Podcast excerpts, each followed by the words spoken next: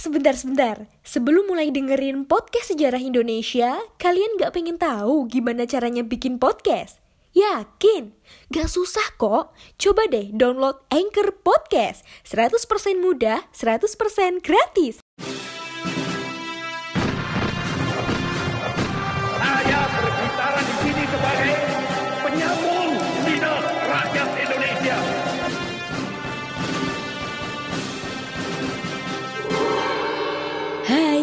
Kalian sedang mendengarkan Poseidon, podcast sejarah Indonesia. Ngomongin masa lalu dengan gaya masa kini. Assalamualaikum warahmatullahi wabarakatuh. Kembali lagi dengan saya Adi dan kali ini kita akan membahas mengenai teori-teori masuknya Islam ke Nusantara. Ya, pembahasan kali ini akan menjawab pertanyaan siapa yang membawa Islam ke Nusantara. Pertanyaan singkat namun apabila dijawab jawabannya bisa panjang kali lebar ini akan kita bahas secara singkat dan santai pada episode kali ini. Seperti yang kita ketahui bahwa Indonesia itu memiliki wilayah laut yang sangat luas. Sejak lama memang laut sudah berfungsi sebagai jalur pelayaran dan perdagangan antar suku. Bahkan eh, bukan hanya antar suku melainkan antar bangsa di seluruh penjuru dunia. Pada zaman dahulu, pelaut tradisional memang sudah memiliki keterampilan berlayar yang dipelajari dari nenek moyang yang memang sudah secara turun-temurun. Mereka akhirnya pandai menentukan arah angin sehingga mereka tidak tidak tersesat atau terombang-ambing di tengah laut. Sampai pada akhirnya juga mereka mengenal teknologi arah angin dan mengenal angin musim atau angin muson yang berhembus setiap tahun sehingga mereka bisa melakukan pelayaran dengan lancar di seluruh penjuru dunia. Oke, itu intermezzo saja. Kita mulai masuk ke materi yang lebih dalam yaitu materi inti. Oke, sebelum Islam masuk itu sebenarnya ada agama yang lebih dahulu masuk ke Nusantara. Ya seperti yang kita tahu dan bisa kita tebak, agama itu adalah agama Hindu dan Buddha. Sekedar fakta saja bahwa agama Hindu dan Buddha juga datang melalui area laut atau perdagangan Nah, rute-rute yang sudah pernah dilalui oleh para penyebar agama Hindu dan Buddha ini kemudian terkenal dan menjadi jalur perdagangan internasional yang nantinya juga akan dipakai oleh para pedagang muslim atau para pelayar muslim yang nantinya juga akan menyebarkan agama ke Nusantara. Memang nyata jalur-jalur yang ada di Indonesia?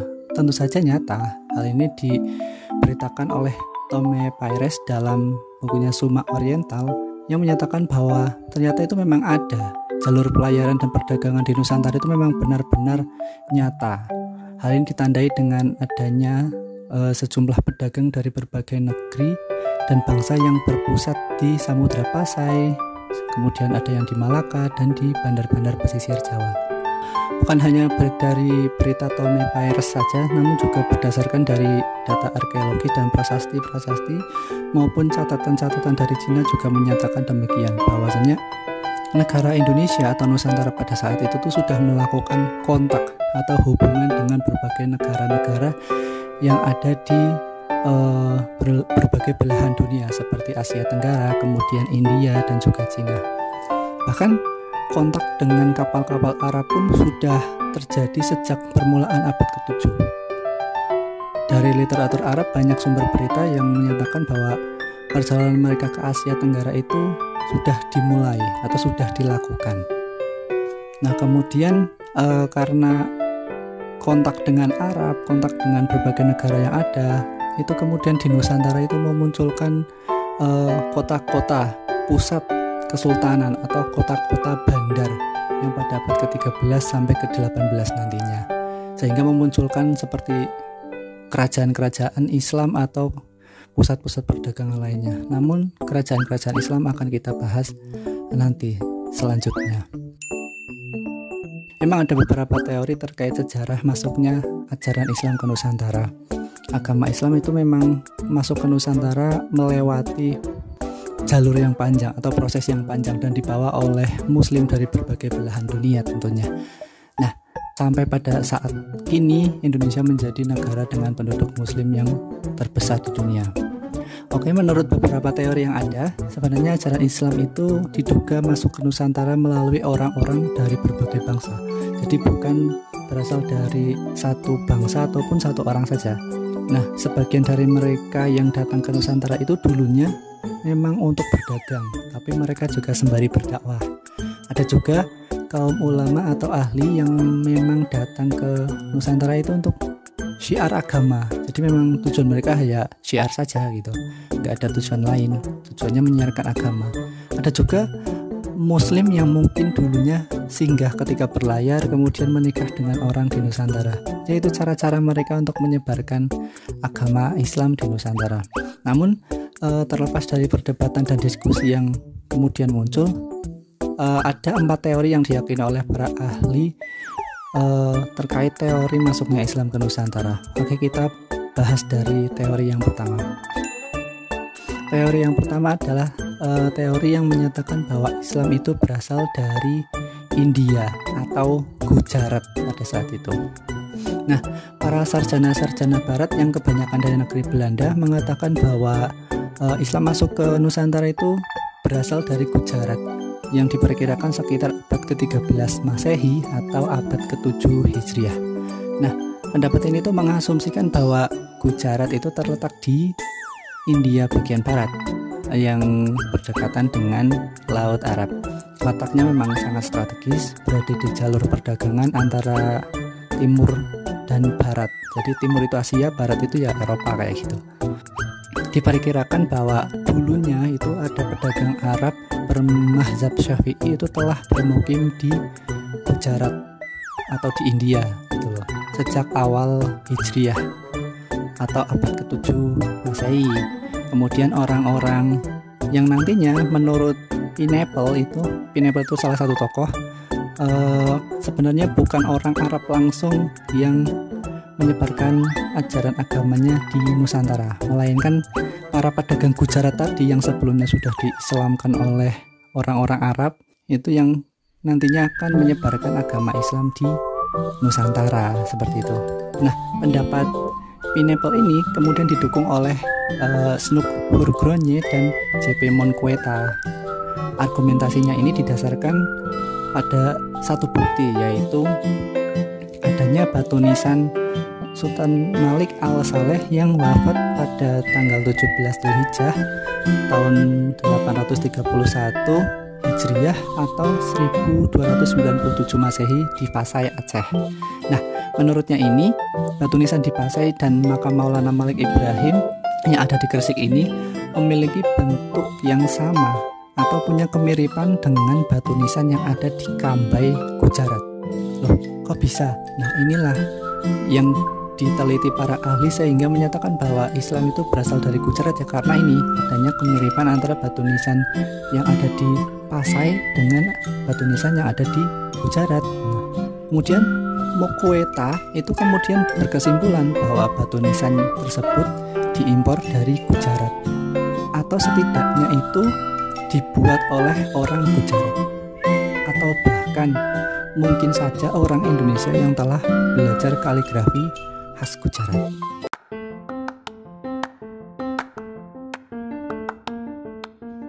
Halo Sobat Poseidon, kalian pasti sudah tidak asing lagi dengan Anchor. Yap, aplikasi penyedia jasa untuk para podcaster pemula dan juga pro. Buat kalian yang pengen mulai nge-podcast, langsung download aja Anchor di App Store ataupun di Play Store. Di sana, kalian bisa nge-podcast dengan banyak banget pilihan background musik. Setelah itu, kalian bisa mempromosikan podcast kalian ke mana pun. Secara otomatis, nanti akan di-sharekan oleh Anchor sendiri. So, tunggu apa lagi? Cus, nge-podcast bareng Anchor.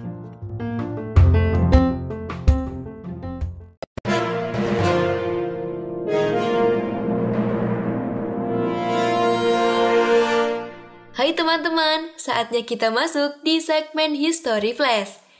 Tahu kan letak Menara Pisa? Ya, di Itali. Menara miring Pisa tidak pernah berdiri tegak. Bangunan itu mulai tenggelam ketika proses konstruksi. Batavia's Nouvelle merupakan koran pertama yang diterbitkan Batavia maupun Indonesia di tahun 1744. Koran ini diterbitkan seminggu sekali sebanyak empat halaman dengan layout dua kolom. Namun sayangnya, baru saja kontrak penerbitan diperpanjang, koran ini harus dibredel pada 20 November 1745 karena anggota Dewan Direktur VOC di Amsterdam takut akan banyak rahasia VOC yang terbongkar ke publik. Kalian pasti tahu kan, Indonesia dikenal bangsa barat sebagai wilayah penghasil rempah-rempah dengan kualitas yang sangat baik. Utamanya lada dan jahe pada tahun 1778, Batavia harus memproduksi 4,5 ton permen jahe untuk diekspor ke Belanda.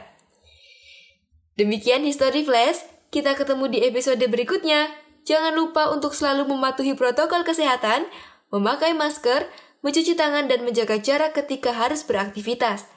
Saya Aulia pamit.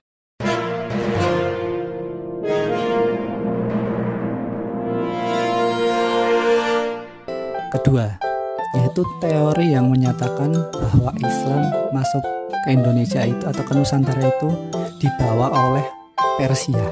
Husain Jayaningrat itu berkesimpulan demikian. Kalau tidak tahu Persia itu sebelah mana, Persia itu ya kalau sekarang di peta Iran. Husain Jayaningrat ini beranggapan bahwa Islam masuk ke Nusantara itu pada abad ke-13. Pendapatnya ini didasarkan pada adanya kesamaan budaya dan tradisi yang berkembang antara masyarakat Parsi dan Indonesia. Masyarakat Parsi itu maksudnya orang-orang Persia. Tradisi yang dimaksud adalah seperti tradisi merayakan 10 Muharram atau Ashuro sebagai hari suci kaum Syiah atas kematian Husain bin Ali. Seperti tradisi ini tuh berkembang seperti tradisi tabui dan tabut. Tabui atau tabut di Pariaman di Sumatera Barat. Jadi ada kesamaan antara peringatan 10 Muharram yang ada di Persia atau di Iran sana dengan uh, tradisi tabui atau tabut di Pariaman di Sumatera uh, Barat atau Bengkulu. Seperti itu. Jadi ada kesamaan. Kemudian yang ketiga yaitu teori yang menyatakan uh, bahwa Islam itu dibawa oleh atau berasal dari sumbernya atau Arab atau Mekah. Teori Arab ini didukung oleh beberapa tokoh seperti Van Leur, kemudian Anthony H. Jones, kemudian T.W. Arnold, dan Buya Hamka. Buya Hamka sendiri mengatakan bahwa Islam itu berasal dari tanah kelahirannya yaitu Arab atau Mesir. Proses ini itu diperkirakan berlangsung pada abad pertama Hijriah atau sekitar pada abad ke-7 Masehi. Nah, senada dengan pendapatnya Hamka, uh, teori yang mengatakan bahwa Islam berasal dari Mekah, kemudian Anthony H. Jones itu juga menurutnya proses islamisasi dilakukan oleh para musafir atau kaum pengembara yang datang ke kepulauan Indonesia. Kemudian kaum ini tuh ya berpindah dari satu tempat ke tempat lainnya ya motivasinya hanya untuk pengembangan agama Islam saja. Jadi tidak ada niatan lain. Kemudian tidak ada niatan untuk sekedar berdagang, tapi memang mereka niatnya hanya untuk menyebarkan ajaran Islam. Nah, kemudian dari semua teori yang ada hal ini tuh diperkuat dengan uh, adanya sum, uh, sumber atau bukti yaitu adanya sebuah perkampungan Arab di Barus, Sumatera Utara yang dikenal dengan Bandar Khalifah. Kemudian teori yang terakhir atau teori yang keempat adalah teori yang menyatakan bahwa Islam itu dibawa oleh orang Cina. Hal ini tuh diyakini bahwa Islam memasuki Nusantara bersamaan dengan migrasinya orang-orang Cina atau dalam tanda kutip Muslim kaum Kanton, Muslim Kanton ke Asia Tenggara. Nah, kemudian mereka memasuki wilayah Sumatera bagian selatan di Palembang pada abad ke-9 Masehi. Nah,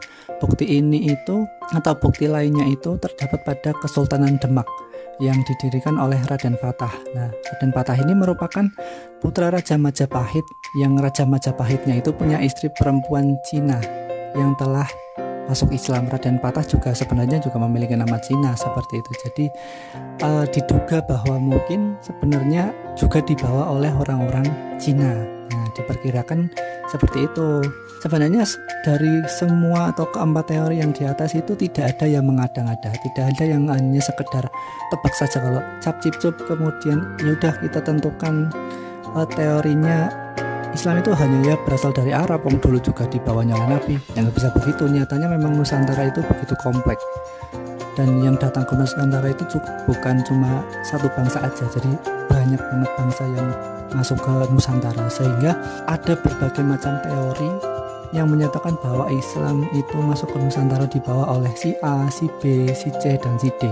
Namun bukan itu yang patut kita perdebatkan adalah atau yang patut kita bicarakan adalah bangsa atau Nusantara itu sungguh luar biasa di mana uh, mereka benar-benar bisa dimasuki oleh berbagai macam bangsa dan bangsa itu memberikan banyak pengaruh ke Nusantara dan Nusantara tetap utuh sampai sekarang. Uh, sebagai warga Muslim yang baik bagi yang beragama Muslim, maka wajib untuk melestarikan kebudayaannya, wajib untuk melestarikan agamanya, wajib untuk menjalankan agamanya. Dan patut disadari bahwa Islamisasi di Kepulauan Indonesia merupakan hal yang sangat kompleks dan bahkan hingga kini prosesnya masih terus berjalan. Mungkin itu saja materi kita atau pembahasan kita pada episode kali ini mungkin agak singkat namun semoga bisa kalian cerna dengan baik jadi ada empat teori yang menyatakan bahwa Islam dibawa oleh berbagai bangsa. Yang pertama adalah bawa oleh India atau Gujarat, yang kedua dibawa oleh orang Persia atau Iran, yang ketiga dibawa oleh Arab atau Mekah, dan yang keempat adalah bawa oleh orang Cina. Sekian pembahasan dari Adi. Terima kasih. Salam sejarah. Wassalamualaikum warahmatullahi wabarakatuh. Terima kasih.